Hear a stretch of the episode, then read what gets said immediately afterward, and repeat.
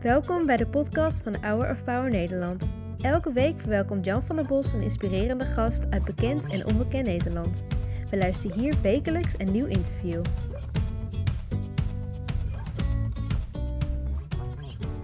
Mijn gast is uh, Gabrielle Dik. Even terug naar jouw geboorte, 11 november 1971. Uh, je wordt geboren en het gaat gelijk helemaal mis. Wat Ja. gebeurde er? Ja. Eh, ik werd met een keizersnee eh, op de wereld gezet. En eh, mijn moeder die was acht maanden zwanger, maar die lag al twee maanden in het ziekenhuis. Of eigenlijk het, de kweekschool voor vroedvrouwen heette dat toen. En ehm, zij kreeg stuiptrekkingen in haar baarmoeder. En daarom moest ik heel snel gehaald worden. Want ze waren bang dat ik eh nou ja, zuurstoftekort zou hebben. En dat was ook inderdaad het geval. En toen ehm, nou ja, ben ik eh, ter wereld gekomen. En toen ben ik eigenlijk gelijk naar een ander ziekenhuis afgevoerd. Ehm, omdat ze in die kweekschool hadden ze niet de juiste apparatuur daarvoor. Dus ehm, En dan Ja. wordt er geconstateerd dat je een hersenbeschadiging hebt. ja, klopt. Door toch het zuurstoftekort wat ik in de baarmoeder had opgelopen. Drie maanden lig je in het ziekenhuis. De doktoren zeggen tegen je ouders, het gaat het niet worden. Ze gaat het waarschijnlijk niet halen of ze gaat het niet halen. Maar jouw moeder gelooft dat niet. Mijn moeder die had gewoon een, rotsvast geloof in God. Eh, dat ook al wankelt de hele wereld, Gods stroom staat vast. En, eh, en ook mijn oma was echt een biddende vrouw. Ehm, ja, dus ze wist ook wel van, ook al gaan er dingen mis, God is er toch bij. Ja. Ja, En dan groei je Ja. op. ja dan groei ik op. Ja. Dan- Gezond, ja, genezen. Ja. Ja.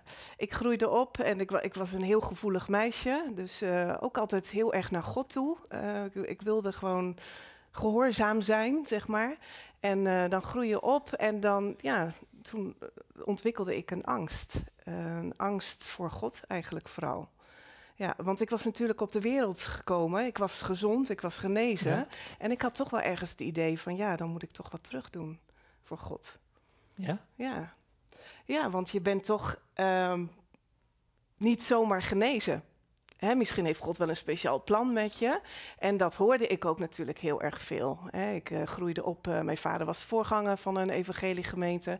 En ehm, ik ging veel naar christelijke conferenties. En daar hoor je altijd natuurlijk, God heeft een plan met je leven. Je bent hier met een doel. Ja, dan ben je niet daar- moe van? Ja, nou ja, ik dacht toen van dat is zo. Dus dat, dat, ja, dan ga je een op plan zoek. met je leven, je Ja. hebt een doel. Ja. Maar jij zag dat doel niet en het plan niet. nou ja, sterker nog, ik dacht van, Gods doel is vast iets wat ik niet wil. Ja, Dus waarschijnlijk moet ik bijvoorbeeld als zendeling naar India, of misschien moet ik wel het klooster in. ja, iets wat je helemaal niet wilde. Nee, iets wat ik echt helemaal niet wilde. Nee, ik zie jou nog niet in een klooster rondlopen. Nee, nee. Laat staan in India als een Ja. soort moeder Teresa. Ja, Nee, nee. Maar zo dacht ik wel over God. Hij geeft je iets waar, ja, wat jij niet leuk vindt. En ben jij in staat om dat eh, te gaan doen? Wil je dat? Heb je dat voor hem over? Zo dacht ik. in het begin van het programma hadden we het over dat je gevangen was. Ja, Gevangen in die gedachte. Ik Ja. moet wat terug doen voor God. ja, Het kwam iedere keer terug. Er was Ja. geen, in die zin, vrijheid. nee. Nee. Lijkt me een beroerd leven. Ja, nou dat was het ook. Dat was het ook. Want zelfs op mijn trouwdag eh, heb ik echt spanning gevoeld. Van doe ik dit goed? Ben ik nu eh, ongehoorzaam? Trouw ik met de juiste man? Of moet ik juist helemaal niet trouwen? Moet ik mijn hele leven vrijgezel blijven? Ik denk dat als ik toen op die dag had geweten of had gevoeld wat ik nu voel... Ja, dan was het een hele ontspannen dag geweest. Ja, maar dat, Dat was hij nou, niet. dat was het niet helemaal voor mij. Je Nee. hebt wel ja gezegd nee, ik heb wel ja gezegd. tegen Tim. Ja, ja. Ja. Ja, ja, want ik wist gewoon dat ik van die man hou ik. En Ja. dat is, eh, ja, het is de liefde van mijn leven. Denk je dat er veel mensen zijn die hetzelfde als jou eh, leven, zonder het te durven zeggen? Van ik ben bang dat ik niet aan eh, wat God van mij vraagt voldoet, dat ik niet Mm. goed genoeg ben, dat ik eh, misschien te zondig ben of wat ook. Mm. Maak je dat veel mee? Ja, heel veel. Ja, heel veel mensen zitten in diezelfde kramp, want dat is het. Het is een kramp. Ja.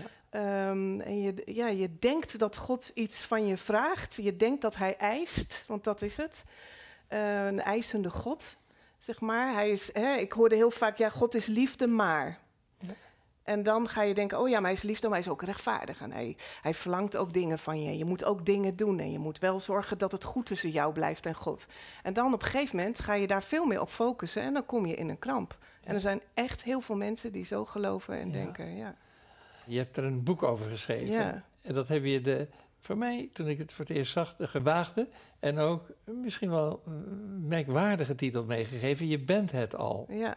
Stop Ehm, met woorden. Ja, stop met woorden inderdaad. Nou, ook dat Ja. even uitleggen. Ja, nou omdat je heel veel hoort en zeker in de christelijke cultuur, zeg maar in de christelijke Ja. wereld, worden wie je bent. Of Ja. worden zoals God je bedoeld heeft. Toen dacht ik, oké. En wat mij heel erg triggerde, wa- ik, ik ben prestatiecoach en ik geef trainingen.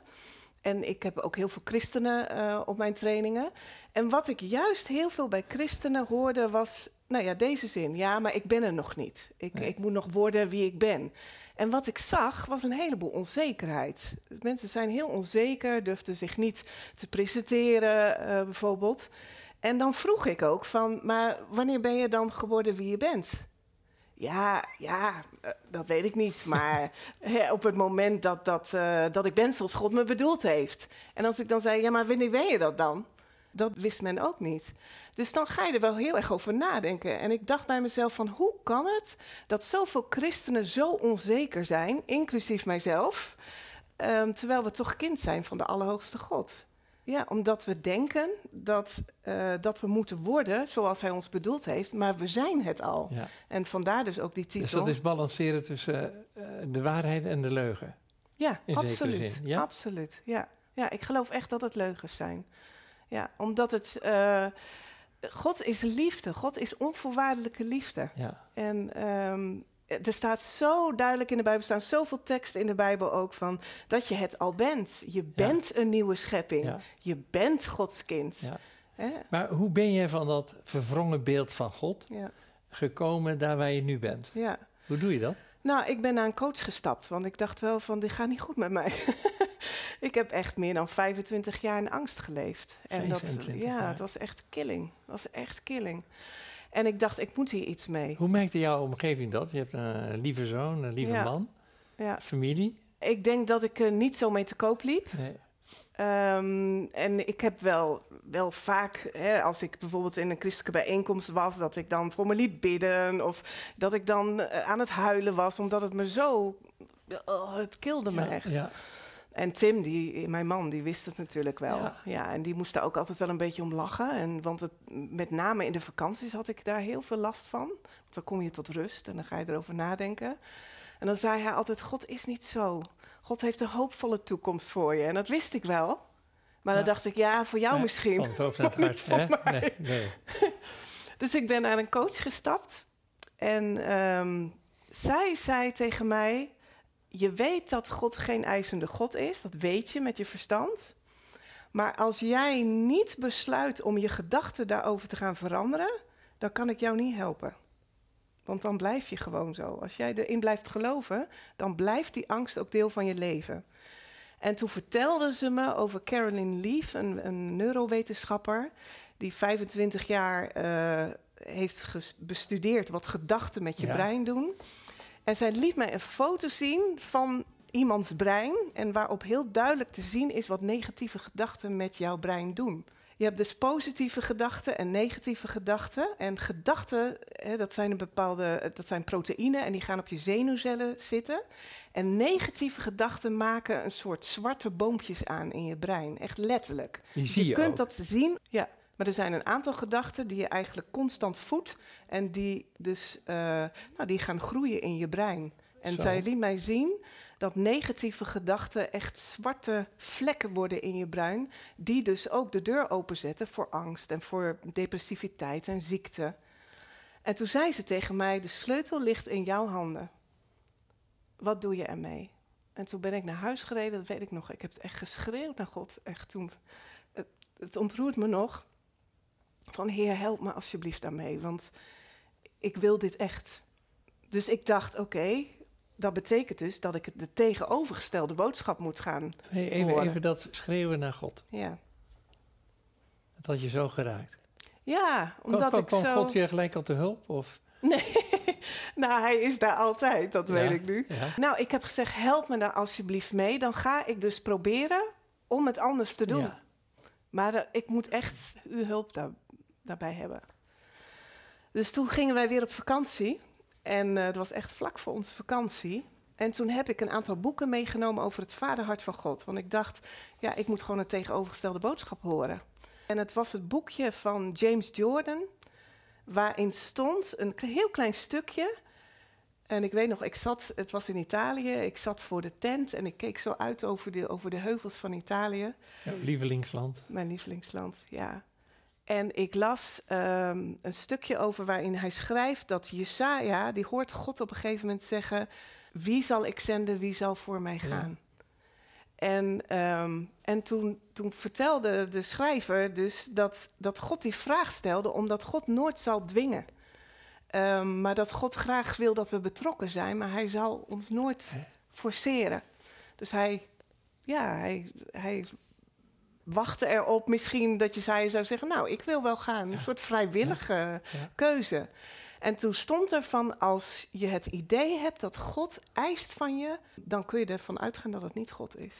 Oh. En het was in één ogenblik dat God me zo daar raakte. Ik heb echt alleen maar gehuild, want het, ineens zakt het kwartje. Van oké, dus God is geen eisende God.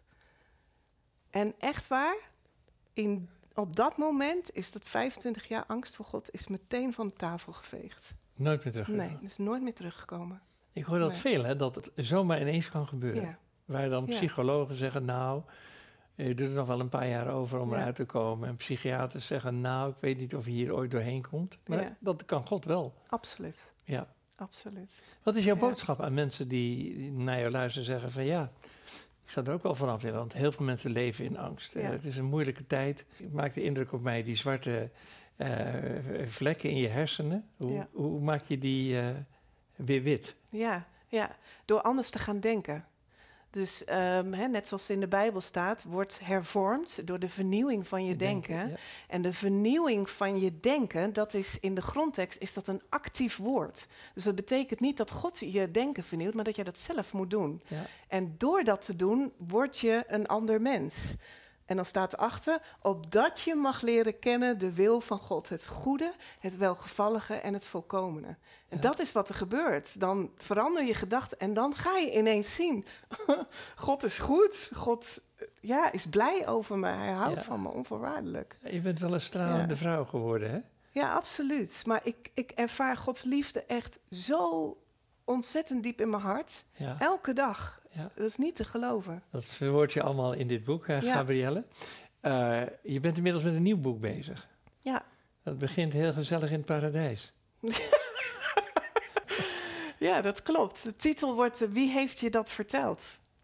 Ja, en uh, het begint inderdaad in het paradijs. Want toen Adam zich verstopte nadat hij gegeten had van de boom van kennis van goed en kwaad, uh, toen zag hij ineens dat hij naakt was. En toen zei God, waar ben je? Adam, waar ben je? En toen zei hij, ik ben bang, want ik ben naakt. En dan zegt God, wie heeft jou verteld dat je naakt bent?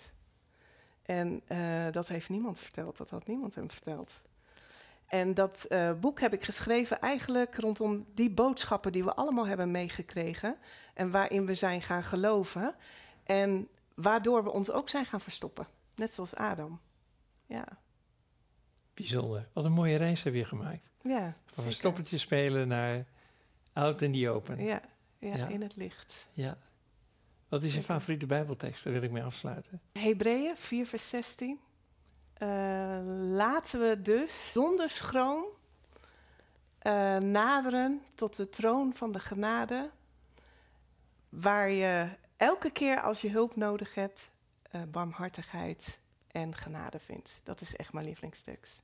Met name zonder schroom. Ik heb in dit boek, je bent het al, heb ik een verhaal geschreven van een klein meisje die de troonzaal binnenstapt en die een kroontje op haar hoofd heeft en die helemaal verrukt is van de troonzaal, van de grote kroonluchters en van de spiegels en die danst en die nou ja, op de rode loper en aan het eind van de rode loper daar zit de vader met zijn zoon en die kijken elkaar aan en die zeggen daar is ze weer. Ja. Wat leuk. Wat zou ze willen? Wat zou ze willen vragen? Heeft ze weer hulp nodig? En ja, dat vind ik echt in die tekst terug. Want ik weet dat er altijd warmhartigheid is. En altijd goedheid. Ja. Heel fijn dat je hier was. Ik wil je niet met lege handen naar huis laten gaan. Mooi boek, je bent het al. Een hele waardevolle gedachte. We hebben een heel leuk moederdaggeschenk. Oh, Ja. Heb je een idee wat erin zit? je bent geliefd staat erop. Ja. Dankjewel. Mag ik het openmaken? Zeker. Ja? En ik hoop dat ik heel vind veel het doosje moeders... alleen eh, al ja, mooi. het doosje is al de Ja, moeite waard. Prachtig, ja. Oh, prachtig. Oh, wat mooi. Geliefd. Speciaal voor de moeders van Hour of Power ontworpen. Fantastisch. Een hartje met geliefd. Wauw, dankjewel. Ja. Echt heel Gabrielle, heel hartelijk dank dat je hier openhartig over je, je leven hebt verteld. En zo eh, anderen hebt bemoedigd. Bedankt voor het luisteren naar het interview van deze week. We hopen dat dit verhaal jou heeft bemoedigd. Wil je meer weten over Hour of Power of andere interviews bekijken? Ga dan naar www.hourofpower.nl